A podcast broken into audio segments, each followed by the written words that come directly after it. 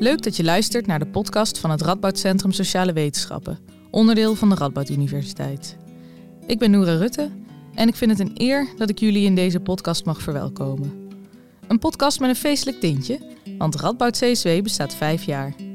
Daarom maken wij vijf audioverhalen die draaien om vragen waar iedereen wel eens mee worstelt, maar waar geen pasklaar antwoord op bestaat. Verhalen waarin we terugblikken op vijf jaar Radboud CSW, het nu bespreken en met verschillende mensen kijken naar de toekomst van een leven lang leren. In elke podcast volgen we de zoektocht rond een aansprekend thema. Iemand heeft een vraag en samen met een vakgenoot gaat hij of zij op zoek naar antwoorden. In deze podcast Pascal Kramer, VR-developer, en Erik Bulte, forensisch psycholoog en hoofdonderzoeker bij de Pompenstichting. Voor hen beiden is virtual reality geen science fiction meer. Wat kan Pascal leren van Erik als het gaat om innovatie? Ik vraag het me ook wel eens af. Hoe blijven we leren in de toekomst? Ik ben in elk geval niet van plan ermee op te houden. Voor mij is een dag geslaagd als ik weer iets nieuws heb geleerd. Ik ben heel benieuwd hoe we in de toekomst kunnen blijven leren en innoveren.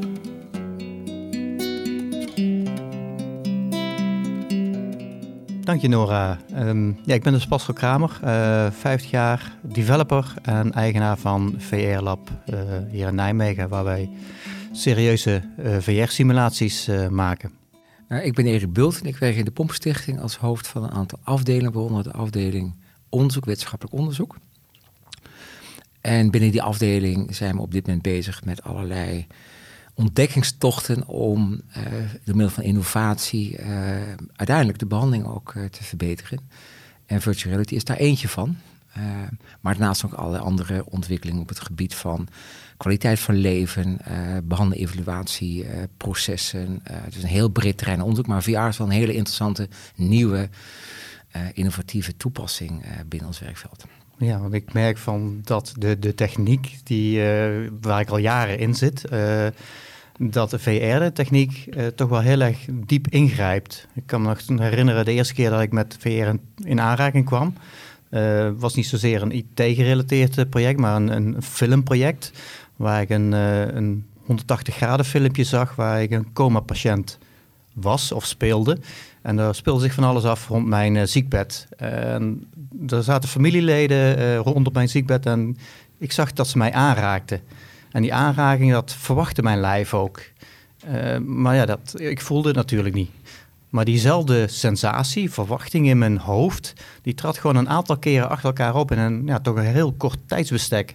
Dus mijn hoofd was er eigenlijk helemaal niet op voorbereid. En op basis daarvan ben ik daar eigenlijk die ontdekkingstocht aangegaan. Dus ik kan me voorstellen dat ook in jullie vakgebied, ja, je wilt toch dat brein in, dat uh, VR als uh, tool, als medium, uh, je daar een heel eind verder kan helpen. Hoe, hoe zijn jullie eigenlijk bij VR terechtgekomen? Nou, de eerste, de eerste uh, kennismaking is al heel lang geleden, was rond 2000, op een groot internationaal congres. Waarbij in Canada, en degene die dat toen heeft geïntroduceerd, is ook bij die conferentie in de pompen aanwezig, Patrice Renault. En die was de eerste die VR-toepassing mogelijkheden bood voor een hele bijzondere groep mensen met een seksueel delict. En dat heeft eigenlijk een beetje, is dat zo blijven sudderen. En een tweede was dat uh, wij in de pompen een aantal jaar geleden een hele grote groep mensen met kunstmatige intelligentie als achtergrond uh, hebben uitgenodigd. We dachten, we moeten eens een keer jonge mensen uitnodigen die heel anders denken over de wereld dan wij dat doen. Hè? En het gekke was dat in die conferentie, dat was vooral gekoppeld ook aan, aan, de, aan de Universiteit van Nijmegen, uh, onder andere een aantal mensen riepen dat zij vonden dat ze VR ontzettend spannend en aantrekkelijk vonden, los van alle dingen te maken met data mining en met hele grote datasets omgaan. En toen bleef het nog een beetje sudderen. En toen kwam er een fase waarin we vooral uh, zijn ingestoken op serious gaming. Omdat we hebben daar ook een eigen game in ontwikkeld. Keer Kans heet die game, die ook toepasbaar en toegankelijk is. Omdat ik het heel spannend vond om het concept leren te verbinden aan het concept fun. Mhm. Leuke dingen doen. Alsof leren en ontwikkelen altijd maar hard zwoegen is, een sfeer op je voorhoofd, uh, hard werken, maar dat het ook gekoppeld kan zijn aan dat het leuk is. Ja. Uh, en vervolgens hebben wij uh, de kans gekregen om een aantal jaar geleden mee te doen aan een toen eerste experiment waarin we een VR-toepassing over agressie in een viertal klinieken konden gaan gebruiken. En vanaf dat moment is het een stroomversnelling ingegaan. En is VR een van de interessante gebieden waar we echt ook heel veel tijd en energie en ook uh, middelen in proberen te stoppen om daar echt een stapje verder te komen. Dus het is een langdurig proces geweest en uiteindelijk heeft het me ook gepakt. Ik kan me voorstellen dat het bij jullie ook wat langer duurt dan, dan bijvoorbeeld bij mij. Ik zeg van nou de volgende dag ga ik ermee aan de slag, ga ik dingen maken. Je hebt natuurlijk uh, patiënten die je blootstelt als het ware aan een VR-simulatie. Dus ik denk dat je ook wel goed de consequenties uh, moet overdenken van uh, ja, wat brengt het teweeg en wat, wat wil je in een, in een simulatie stoppen om een bepaald doel te bereiken. Is dat, uh, is, is dat nog een lastig proces geweest? Is daar veel wetenschappelijk onderzoek aan vooraf gegaan? Of hoe hebben jullie dat, zijn jullie die start ja, het is een hele goede vraag hoor. Want kijk, ik werk in feite in een relatief behoudend milieu. Want we zijn natuurlijk vooral gericht op veiligheid. En veiligheid is vooral gericht op zorgen dat dingen niet fout gaan. En dat procedures goed worden gevolgd. Dat mensen goed worden voorbereid op uh, de samenleving. Dus alles wat nieuw is, betekent ook spannend en onzeker. En niet weten hoe het uitpakt. Dus in die zin zijn nieuwe, nieuwe technologieën in, de, in die forensische wereld, in de tip, is altijd een klein beetje extra spannend. In vergelijking met andere segmenten van de zorg. Omdat er gewoon veel meer verantwoordelijkheden aan vastzitten. Ook voor de samenleving. Ook voor de medewerkers. En zeker ook voor patiënten. Dus dat is zeker één uh, belangrijke factor. Bijvoorbeeld, als ik, als ik, stel je voor dat wij morgen een bepaald apparaat kunnen gebruiken om de behandeling te ondersteunen. Uh, en we denken dat het een hele belangrijke bijdrage levert aan bijvoorbeeld veiligheid. Het apparaat gaat stuk. Dan krijg je een situatie als een paar dagen geleden met de 112 bij KPN. Dan hebben we dus een, een toepassing uh, geïntroduceerd waarin het ook stuk kan gaan. En wat doen we dan? Want dan zou de veiligheid in het, in het kunnen komen. En waar je ook factor van bent. Dus je moet daar heel erg um, voorzichtig in zijn. Aan de andere kant is het ook zo dat um, we hebben te maken met een grote groep mensen die uh, met hele complexe problematiek, uh, als wij niet blijven innoveren en vernieuwen, ook niet de kans krijgt om met die vernieuwende innovaties ook daadwerkelijk een aantal stappen te zetten. En op een veilige manier naar buiten te gaan. We hebben ook een, hoe maar, een soort bijna morele plicht om dus op zoek te gaan naar die innovaties en daar het maximale uit te halen. Dus het is een balans tussen aan de ene kant de behoefte aan vastigheid en veiligheid en alles binnen de muren houden. En aan de andere kant de noodzaak om die muren open te breken en mensen uit te nodigen en ons ware te ontregelen en te zeggen van wat moeten we anders doen? Zoals jij bijvoorbeeld iemand zou kunnen zijn die vanuit zijn eigen creatieve omgeving ons als ware prikkelt om te zeggen, nou, stap eens uit je konkon van veiligheid en durf het eens aan om eens wat nieuwe wegen te ontdekken. En, uh, dus ik ben ook benieuwd naar wat jij ons zou adviseren op zich. Ja, ik vind VR dan een hele mooie toepassing. Als jullie er niet mee bezig waren, ik, zou ik zoiets zeggen van ja, die, dat, dat in contact brengen van die patiënt-cliënt die binnen die gesloten muren moet zijn met wat zich buiten de muren afspeelt. Ja, dat is VR natuurlijk ideaal voor, want je kunt die muren openbreken. Je kunt situaties creëren waar je iemand normaal gesproken niet mee uh, in contact zou willen brengen. En dat kun je reguleren en, en ook monitoren van uh, hoe gaat dat. Je kunt dat uh, mooi, mooi opbouwen.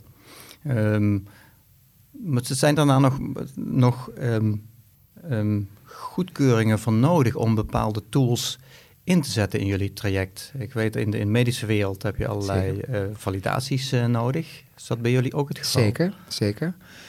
Um, hangt natuurlijk af van, okay, als, we, als ik een keer op de gang een patiënt vraag van, stel je voor dat je in zo'n VR-toepassing wat zou gaan doen, wat zou je ervan vinden? Dan is dat wat anders dan wanneer je dat werkelijk mensen in een VR-omgeving plaatst. Mm -hmm. uh, in die omgeving ze aan bepaalde realiteiten eigenlijk blootstelt en probeert te meten wat daar het gevolg van is. Bijvoorbeeld bij de toepassing die we nu aan het onderzoeken zijn, waarin we dus in feite in een VR-omgeving willen kijken hoe mensen omgaan met, met provocatie, met agressie, met frustratie.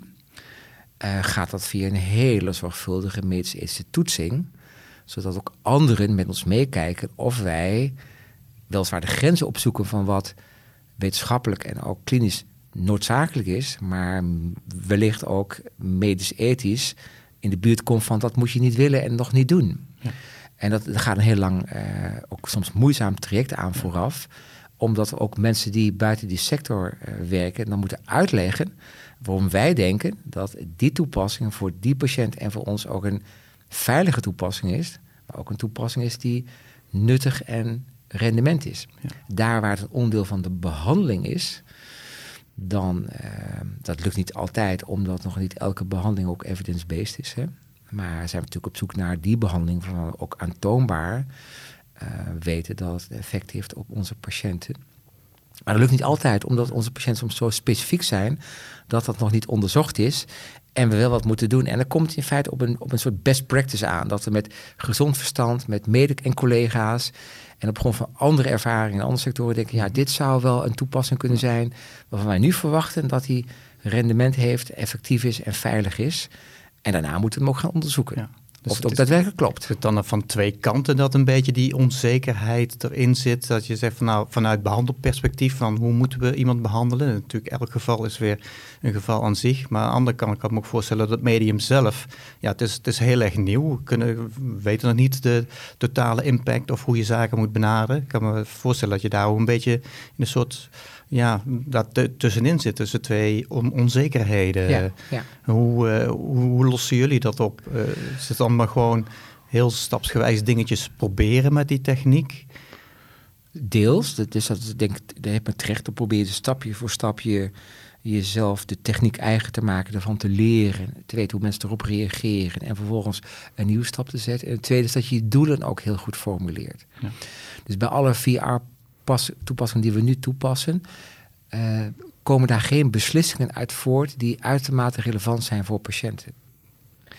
Bijvoorbeeld, uh, wat er in die uh, presentaties ehm, in de pompkliniek in de conferentie aan orde is, dat in Canada de rechter gebruik maakt van datgene wat in de VA-omgeving gemeten wordt bij een patiënt die wordt blootgesteld aan plaatjes van naakte kinderen. Mhm. Dat gaan we in Nederland niet doen. Misschien gaan we dat nooit doen. Maar dat gaan we nu nog niet doen. Omdat er nog zoveel vragen zijn, die niet alleen wetenschappelijk zijn, maar ook medisch-ethisch, dat we dat soort consequenties van VR niet willen krijgen als we niet zeker kunnen zijn dat dat ook op al die manieren goed getoetst is. Ja. Dus we gebruiken het nu vooral als een manier waarin patiënten zelf met ons het als hulpmiddel kunnen gebruiken om hun eigen onze doelen te bereiken. Dus je kunt ook als het ware rustig opbouwen door de doelen die eraan koppelt ook uh, wel ambitieus, maar in de zin van consequenties voor een patiënt ook uh, voorzichtig, voorzichtig op te bouwen. Ja, ik, ben, ik ben zelf geen wetenschapper. Ik zet er heel erg uit de, in, de, in de praktijk. Uh, in een omgeving, in een markt die op dit moment een beetje begint open te breken voor, uh, voor VR, voor het nieuwe medium. Um, en, en, wij opereren heel erg veel vanuit het gevoel, het onderbuikgevoel. Wat zou werken of wat we aan ervaringen hebben gezien van hoe reageren mensen daarop. Daarnaast proberen we ook wat te lezen aan, aan, aan onderzoek en zo die uh, worden gedaan. Um, maar weet je of er vanuit ja, op een soort hoger, algemener niveau wetenschappelijk onderzoek wordt gedaan naar de effecten van VR? En zijn dat dan ook onderzoeken die bruikbaar zijn voor jullie? Zeker. Zeker. Er is een onderzoek bezig die gaat over VR in forensische patiënten uh, rondom agressie. Maar bijvoorbeeld hebben laatst, uh, waar ook uh, mensen uit Nijmegen aan, aan, mee hebben gewerkt, een hele mooie, zeg maar hooggewaardeerde studie waarin VR wordt gebruikt voor mensen met psychotische problematiek, paranoïdie. Mm -hmm. En die als het ware leren om in een omgeving van een café uh, of ze moeten niet gaan drinken, waarschijnlijk in het café, dat zou onverstandig zijn. Of in een winkel of in de bus. Leren omgaan met dat gevoel dat mensen naar je kijken en mensen iets van je willen. En mensen wellicht ook uh, kwaad met je willen. En daar als het ware leren om te gaan dat het misschien niet zo is. En dat is onderzocht en effectief geweest. Het geldt ook voor aspecten met angst. Uh, van vliegangst uh, in een, in een, in een VR-omgeving tot met andere vormen van angst. Dus op allerlei gebieden zie je dat VR ook als toepassing wetenschappelijk um, ja, steeds meer uh, belangstelling krijgt. En dat zal ook verder gaan toenemen als ook vanuit de VR-wereld zelf, ontwikkelaars, ehm, commercieel, niet commercieel, ook de toegang tot software en en omgevingen die je nodig hebt ook makkelijker maken. Er zal een wisselwerking ontstaan tussen die twee. Ik hoorde laatst maar ik weet niet of het klopt, dat weet, weet jij misschien veel beter. Dat uh, heel veel mensen met VR verwachten dat de komende jaren een grote hype gaat ontstaan, omdat met name in Engeland of in Amerika de seksindustrie de VR gaat omarmen. Mhm. En daar vaak, het is natuurlijk een aparte situatie waarin in zo'n preuts land de grootste, volgens mij de grootste seksomzet heeft van de hele wereld als het gaat om porno. Dat als het ware daar allerlei ontwikkelaars zich op gaan storten vanuit het commercieel model, maar dat het ook een spin-off gaat krijgen voor mensen die op een serieuze manier, niet dat seks niet serieus is, maar op een serieuze manier VR zouden willen gaan toepassen in behandeling. is dat zo, denk je? Ja, ik, dat er eh, veel ik- ontwikkeling gaan ik, komen? hoor die, eh, die verhalen ook. Eh, los van denk ik al dat we al in een hype-cyclus zitten. Hè. Er wordt al heel veel gesproken. Er wordt al net in de begintijd van internet wordt al gesproken over de gouden bergen die ons allemaal te wachten staan. Ehm, ik ben voorzichtig in daarin mee te gaan. Het is een ja. sterk medium. Maar inderdaad ook de verhalen van ja, als de porno-industrie op een medium springt, nou, dan gaan we succes eh, hebben. Dat was zo met, eh, met, de, de, met VHS, dat was met internet. En dat is nu eh, met, met VR hetzelfde. Ehm, ik hoop dat dat in ieder geval zal bijdragen tot, tot meer begrip van wat VR is en Ja. meer acceptatie van VR bij, ja, bij de niet-vakgenoten. Veel mensen die denken nog VR, ja, dat is een 360 graden film die je op YouTube en Facebook al met zo'n speciaal brilletje voor, waar je je telefoon in stopt kunt bekijken. Ehm, maar kun je het niet verder eh, Ja. verlengen. Het is een 360 graden filmpje, dat is een, ja, een verhaal van A naar B. Niet interactief en het enige wat je kunt doen is zitten en kijken. Ja. Eh, dat is misschien leuk, maar ja, waar, Ja. waar zit de waarde daarvan in? Eh, ja, de, de simulaties zoals wij die maken, en ik noem ze bewust simulaties, eh, daar kun je interactie in hebben. Dat is meer realiteit. Ja. Zonder interactie heb je geen realiteit. Dus door de wereld kunnen lopen en daarin kunnen bewegen. En ik hoop dat mm, door de, eigenlijk de hype-cycle die daardoor eh, ontstaat door zaken als, eh, als inderdaad in de porno-industrie, maar ook de push vanuit de technologiebedrijven om die headsets die je nodig hebt, om die goed, goedkoper te maken, dat dat bij zal dragen aan het eh, begrip. En daarmee ook inzicht in de mogelijkheden die het, die het medium kan bieden. Want Ik heb dat daar een vraagje over Ja. misschien. Even, want dat, eh, wij, ik weet niet of het klopt namelijk, wij gaan er steeds vanuit, dat hoor ik overal, dat ook gebaseerd op onderzoek, dat een VR-omgeving niet perfect hoeft te zijn. Eh, en dat die eh, wel een beetje mooi mag zijn, maar dat de, de presence, hè, of, de, of de, de, de, het realiteitsgehalte, eh, heel snel wordt overgenomen, zonder dat die omgeving nou zeg maar op elke pixel precies nauwkeurig klopt. Zelfs als dan één pixel niet klopt, dat dat irriteert. Is dat ook jouw ervaring, dat dat, Ja. dat, dat zo is? Fotorealisme is niet uh, van absoluut belang. Als het niet om de, alleen maar om de visuals gaat, gaat veel meer van wat ga je in die omgeving uh, doen. Uh, we zijn al jaren bezig om mensen die, die, die stap te laten maken van de 360-beleving uh, naar echte VR-beleving. Maar door ze gewoon uit te nodigen. Kom nou eens een demo bij ons doen, stap er eens een keer in. En daarvoor hebben we eigenlijk een, een, ook een demo-opstelling die al drie jaar oud is. Dus die visueel staat, die stelt dat heel weinig voor. Je ziet onmiddellijk dat het nep is computer gegenereerd is. En toch staan mensen er met knikkende knieën, met zwetende handpalmen in. Puur ja. omdat we jou in een gevarenzone zetten. Ja, ja. Maar hoeveel ik mensen dan ook die, die, die een beetje paniek raken, daarin coach van kijk nou om je heen, het is nep, je ziet dat het nep is en je hoort dat het nep is. Uh, en toch durven ze niet die, de plank op te stappen. Het gaat om een plank die op een hoog uh, gebouw zit. Dus daar zie je heel duidelijk dat inderdaad dat fotorealisme, dat hebben we niet zo nodig. Het kan eraan bijdragen, maar het gaat veel belangrijker, wat ga je nu doen als ik interactie moet hebben in een omgeving, bijvoorbeeld inderdaad mensen met, met angststoornissen uh, of uh, sociale fobieën of uh, richting autisme gaan. het is veel belangrijker om de interactie met een persoon ja. aan te gaan. Je bent in het pomp geweest, hè? Ja. Uh, je hebt ook een aantal VR-toepassingen meegemaakt, denk ik, hè? of gezien? Ja, niet daar, maar ik had ze al eerder uh, gezien. Okay. Ja. Stel dat we jou nou inhuren hè, als creative, hoe heet het, uh, adviseur. Hè? En je vragen van, het maakt niet uit hoe gek het is, maar geef eens, wat zou je ons adviseren? Als, vanuit je VR-deskundigheid over de dingen die je hebt gezien rondom agressie en seksualiteit. Hè? Daar ging het met name over. Uh, komt er dan iets bij je op of moet je er lang over nadenken? Kan natuurlijk ook.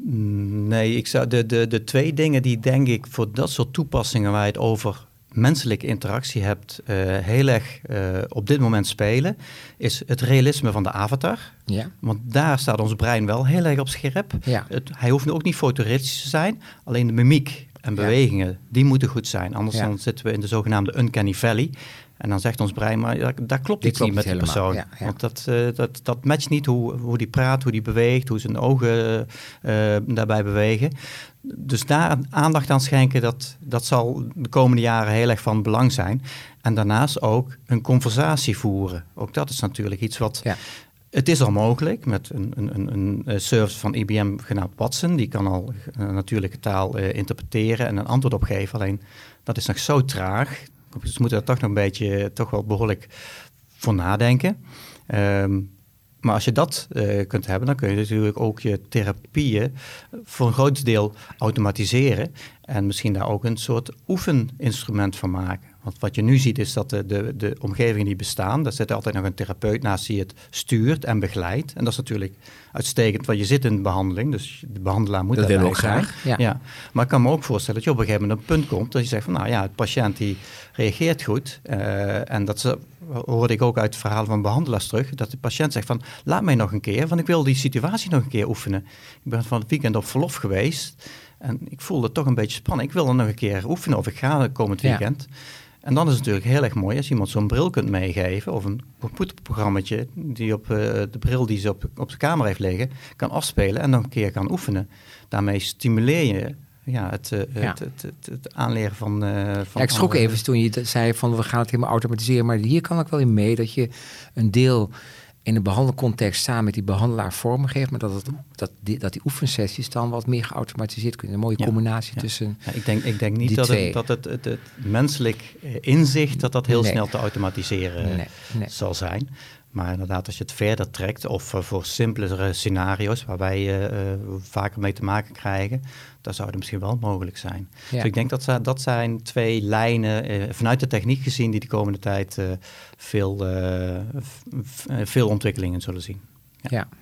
Kijk, op dit moment is het zo dat het bij alle patiënten die in die VR-omgeving meedoen, hè, en nogmaals, dat is vooral gericht ook op leren, samen leren met die patiënt, is, er, is de eigen rapportage of wat er gebeurt ook nog een hele belangrijke component, omdat het ook de volgende fase van zo'n toepassing ook weer aanstuurt. Ja, ja. En het aanscherpt. Iemand zegt, nou, eigenlijk zou je toch een ander woord moeten gebruiken. Misschien ongebruikelijk voor een therapeut, maar wij zeggen niet, uh, zou je alsjeblieft, uh, die, we hebben wat andere taal. Ja. Of is dat ook weer een ethische vraag? In hoeverre kunnen wij ook als avatar de taal overnemen van de straat die de patiënt heel goed kent? Uh, dat is toch is dat een ethische vraag? Ik zou zeggen, van deels, dat is het belang van de patiënt. Deels wel, maar deels is het ook zo dat we ze natuurlijk ook een klein beetje willen voorbereiden op, op datgene wat buiten dan toch gebruikelijker is. En dus patiënten mogen best een klein beetje leren welke taal je nou gebruikt als je bij een werkgever toch je eerst je baantje probeert te mhm. krijgen. Dat je dan misschien toch moet kijken wat, wat hoort de ander in ieder geval liever niet. Ja. En soms. Uh, kan, kan het aantal ziektes per minuut toch heel groot zijn, wat patiënten noemen. dus dan moet je een balans in zoeken, maar het moet ook wel echt zijn. En het moet wel praten, passen bij de taal van die patiënt. En uh, ook bij de huidige tegenwoordige straattaal, waarin ik soms ook denk, waar gaat dit over? En de patiënt moet uitleggen wat er dan mee bedoeld wordt. Ja. Uh, en dat dingen als cool en zo, dat het echt zo ontzettend uh, ouderwets is. Uh, dat mensen zeggen, die moet wel heel oud zijn, die man die dat soort ja. Dus je moet wel mee ook in de taal. Maar dat maakt ook een hele mooie uitdaging, omdat je het mhm. samen met de patiënt ontwikkelt. En het in die zin ook voor hem valide maakt van, het is mijn omgeving, mijn avatar, mijn taal binnen die grens. Uh, mijn omgeving en mijn interactie. Uh, maar dat is eigenlijk dus eigenlijk is dat niet iets nieuws wat nu met VR nee, dat is niet naar voren komt. Want dat zal vanuit de rollenspellen, waar eigenlijk ja, VR een, een, verlengde van is, zal dat ook gespeeld hebben. Het was makkelijker, want nogmaals, als je je behandelaar die zich altijd netjes gedraagt, in de pomp gedraagt, elke band is uitermate netjes natuurlijk. Um, dan is het ingewikkelder bijvoorbeeld om in een rollenspel dan iemand plotseling een beetje straattaal te zien gebruiken. Die avatar die er toch al een beetje uitziet als de, de persoon van de straat, heeft het dan makkelijker.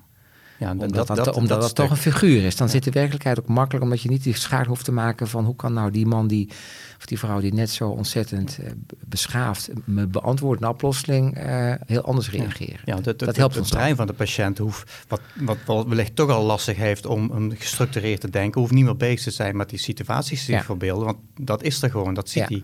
En zien, zien jullie daar bij het, het, het, het omschakelen van het normale rollenspel naar VR dat er al wel significant stappen gemaakt worden. Hoe een patiënt het beleeft, in, in, in welke mate die daarin meegaat in, in deze, deze nieuwe manier?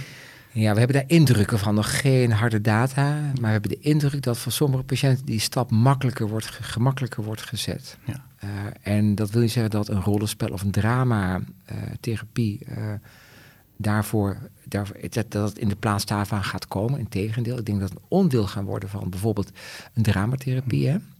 Onze dramatherapeuten willen het ook heel graag. Sommige oefeningen juist in VR oefenen en niet in een nog opnieuw drama-sessie. Dat is een mooie combinatie tussen, tussen die twee.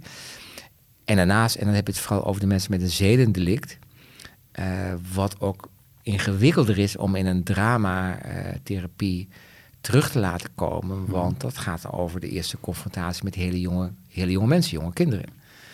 En als daar een oude man als ik van 62 probeert dat kind na te doen, ja, dan moet je toch wel heel erg goed die stap kunnen zetten dat, dat hij denkt van nou, dat, dat, doet, dat is een kind. Ja, ja. Terwijl wel weten dat voor patiënt dat heel spannend kan zijn om voor het eerst gewoon iemand te zien lopen van die leeftijd op straat. Ja, dat is natuurlijk een heel erg fysieke uh, reactie op een fysiek uh, iets uh, wat je ziet. En dat vond ik wel frappant dat je collega's uit Engeland daarmee bezig waren, simulatie hebben gemaakt, maar dat eigenlijk van de overheid is verboden, ethisch gezien, om Niet ethisch. kinderen niet ethisch. wettelijk. Jawel, neem het zo dat in de, de stap, uh, wat ze nu mogen zien, is laten zien, is die kinderen in uniforms. Mm -hmm. Daar hebben ze een medische toetsing voor gekregen. De reden waarom ze niet verder kunnen, dat het gevangeniswezen daar heeft gezegd: wij willen geen enkele interventie voor mensen met een seksueel delict. Dus wij, de medische toetsing is er. Ze mogen het toepassen, maar ze mogen niet gevangenissen binnenkomen, omdat daar de directeuren zeggen: wij willen geen enkele innovatie, interventie, onderzoek over deze groep mensen. Die willen we gewoon volledig laten waar ze zijn. Ja. Ze hebben daarvoor wel gedacht van in de verre kunnen we uh, uh, in onze VR stappen zetten uh, rondom hoe kinderen eruit. Ze hebben gekozen voor de iets veiliger weg door niet hele jonge kinderen in te plaatsen. Mhm. Maar dat was nog niet de belangrijkste over. De belangrijkste want dat ze gewoon al die stappen hebben doorzet en die verder kunnen. En ze gaan dus naar Schotland toe om het daar wel te proberen. Ja. Is het dan nog, nog een, een, een ja, ouderwetse opvatting? Is er gebrek aan daadwerkelijke cijfers die het gevangeniswezen weerhoudt om die innovatie uh, naar binnen te halen? Ik denk dat het daar, maar nogmaals, ik ben er niet geweest en misschien ben ik wel heel erg hard naar de Engelse collega's in het gevangenis. Ik denk dat het veel primitiever ligt. Het is een groep mensen die iedereen niet, niet duld, waar iedereen ook van vindt, die zouden er niet moeten zijn. Dat is een hele grote maatschappelijke weerstand tegen mensen met een seksueel delict. Uh, en dat vanuit dat gevoel, die emotie, wordt zegt, nou, we doen het gewoon niet. We willen het gewoon niet. In Engeland zijn de situaties in gevangenissen soms uitermate uh, onvergelijkbaar met Nederland. Met overcrowding, dus heel veel mensen op een cel, hmm. heel veel agressie. Ik hoorde laatst dat de gemiddelde verblijfsduur van een personeelslid acht maanden is, dan zijn ze alweer weg.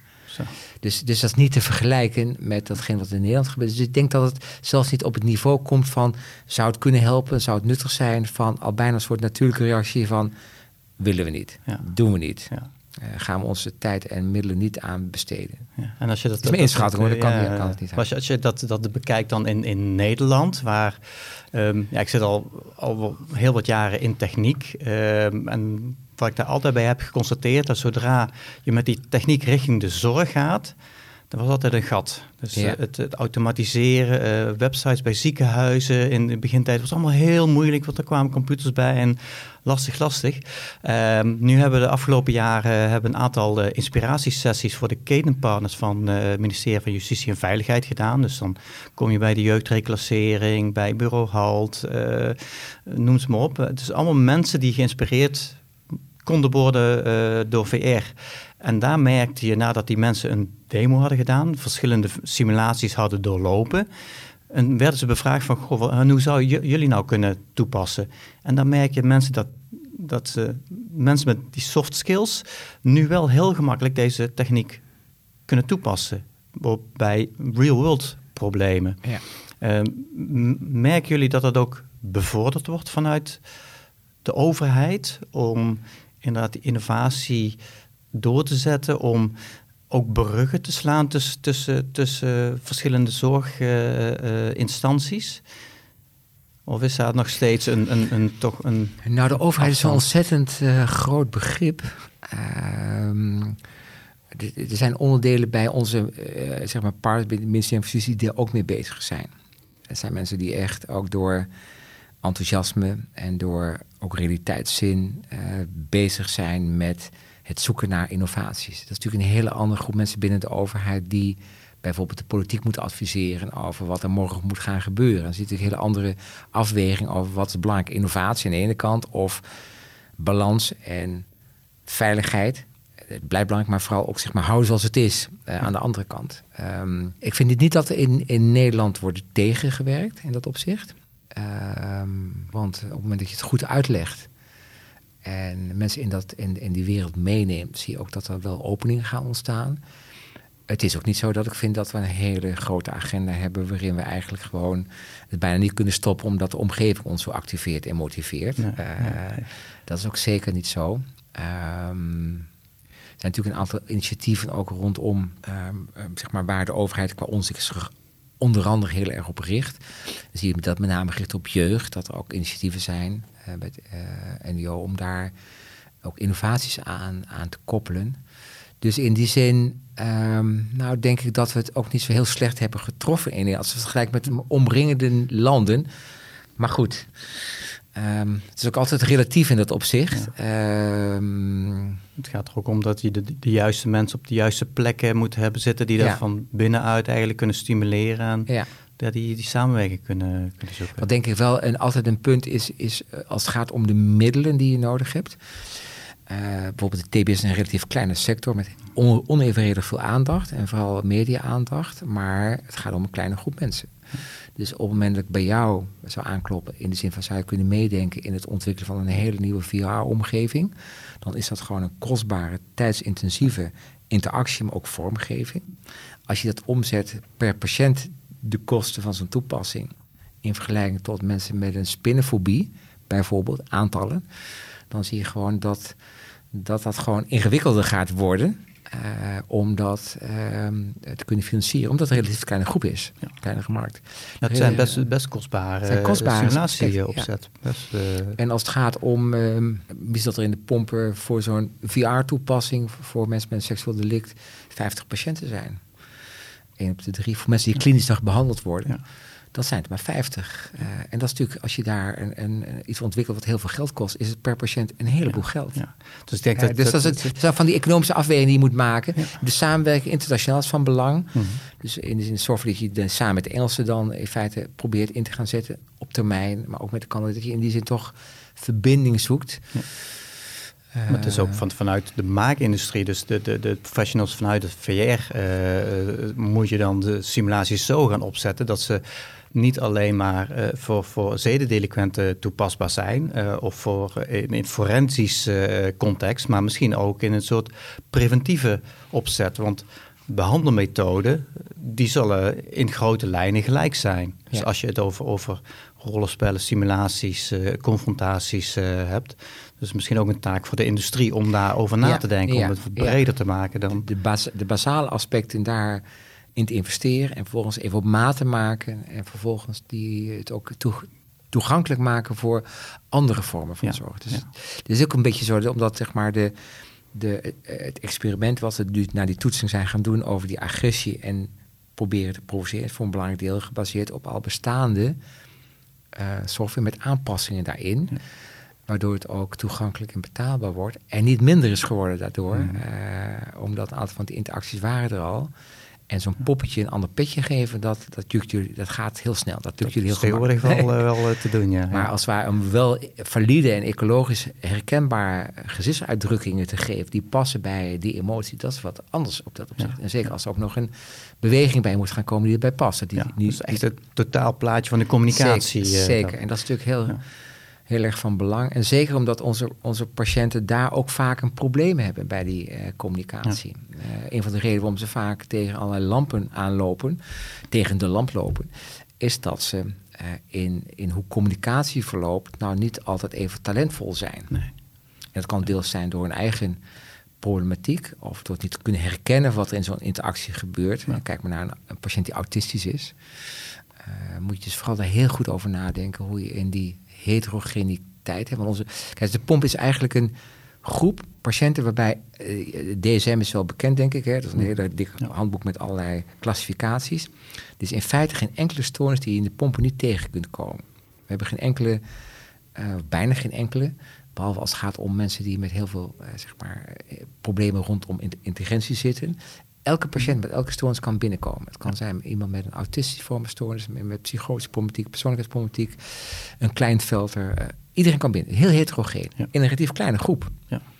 En dat betekent dat je in dat opzicht, als je het op maat wilt maken, uh, daar ook heel goed moet over nadenken. En we moeten het op maat maken, omdat het toch allemaal weer hele unieke individuen zijn met hele eigen delicten, met eigen problematiek. Een behandeling is uh, natuurlijk ook na maatwerk altijd. Ja, ja. Zou dat ook een beetje de, jouw, jouw vraag of opdracht eigenlijk aan, aan de industrie, om het zo maar te noemen, zijn? Van zorg nou dat dat dat je een, een, een, focus daarop, inderdaad, dat je die communicatieplaatje. Ja, dat zou heel mooi zijn. Geven. Ja, ik denk een hele terechte conclusie over.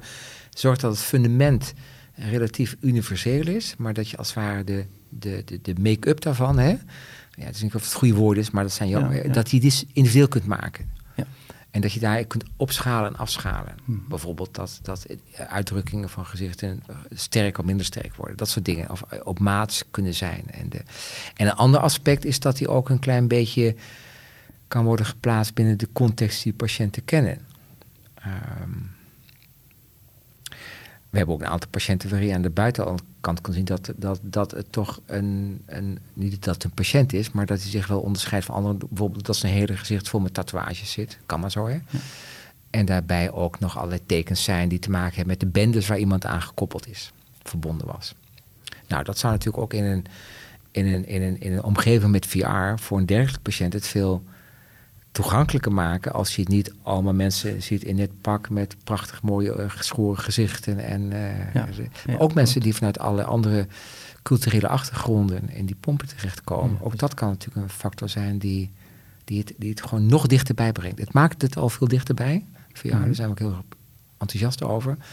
Maar dat zou nog dichterbij kunnen komen. Ja, ja. Dat je als een onderdeel wordt van het scenario. Uh, net als bij een film waar je naar kijkt uh, en Bambi de tranen in je ogen krijgt als je gewoon die tekenfilm ziet, zal het voor jonge mensen toegankelijker worden, makkelijker zijn, omdat ze daarmee opgroeien. Ja.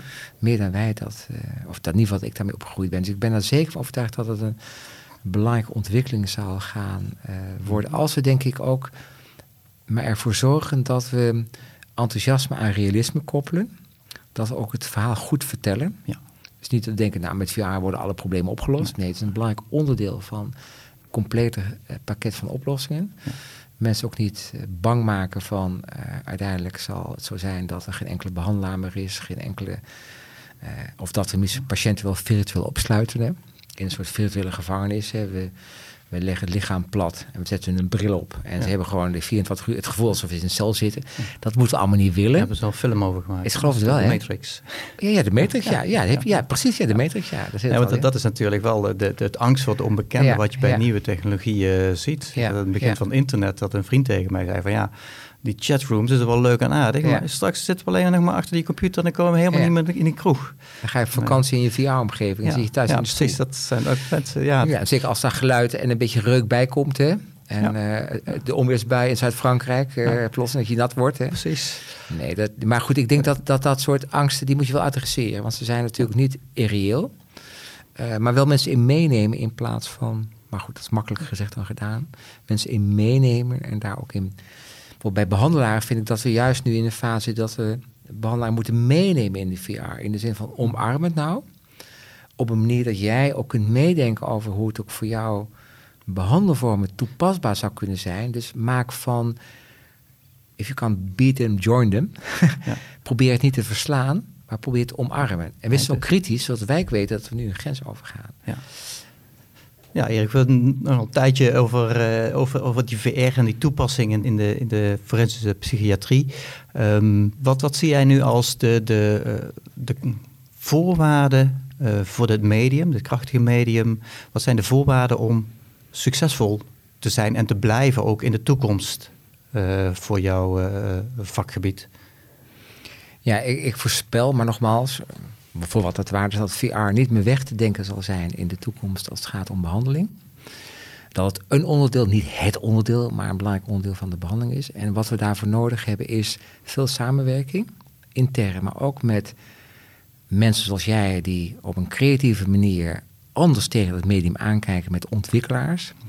Maar we moeten wel heel goed blijven nadenken om te voorkomen dat het niet een soort gimmick wordt, maar dat iets wordt wat echt gebaseerd is op hoe wij denken dat uh, gedrag beïnvloed kan gaan worden in de positieve zin en welke mechanismen eronder zitten. En dat we die blijven onderzoeken en dus vooral goed blijven nadenken. Uh, ik denk als we dat doen, is mijn verwachting, dat het zo'n krachtig medium is dat het ook in de toekomst een belangrijk onderdeel zal blijven en ook meer zal gaan worden dan nu, maar wel onder die voorwaarden. Dus moeten daar die samenwerking blijven opzoeken dus tussen de wetenschap en de praktische uitvoerders. Ja, tussen de kunsten en de wetenschap. De, de, de, creatieve, uh, innovatiegerichte uh, mensen in de omgeving en de wat meer hardcore onderzoekers die zeggen, nou moeten we even weten of het werkt. Ja. En of het ook wel uh, daadwerkelijk effectief is. En daar de balans in zoeken tussen innovatie en een beetje behoudend zijn. En ondertussen wel blijven innoveren, zeker, niet stilstaan. Zeker, een beetje durf hebben, een beetje lef. In deze podcast hoorde je Pascal Kramer en Erik Bulte over een zoektocht naar maatschappelijk relevante innovatie. Dit is spannend en onzeker, maar noodzakelijk om de wereld vooruit te helpen. Dank voor jullie inspirerende gesprek. Deze podcast is tot stand gekomen in opdracht van Radboud CSW. Coördinator is Merel van Omme, Barbara van Ginneken verzorgde de muziek, realisatie Harro Brouwer van LBL en presentatie Noora Rutte. Dank ook aan Monique Schijvenaars, Kees Oerlemans en Gideon Kessler. Wil je meer van onze podcast horen, achtergrondverhalen over de besproken thema's lezen of lees, luister of kijktips krijgen van de hoofdpersoon uit onze podcast? Ga dan naar rcsw.nl slash vijfjarig bestaan.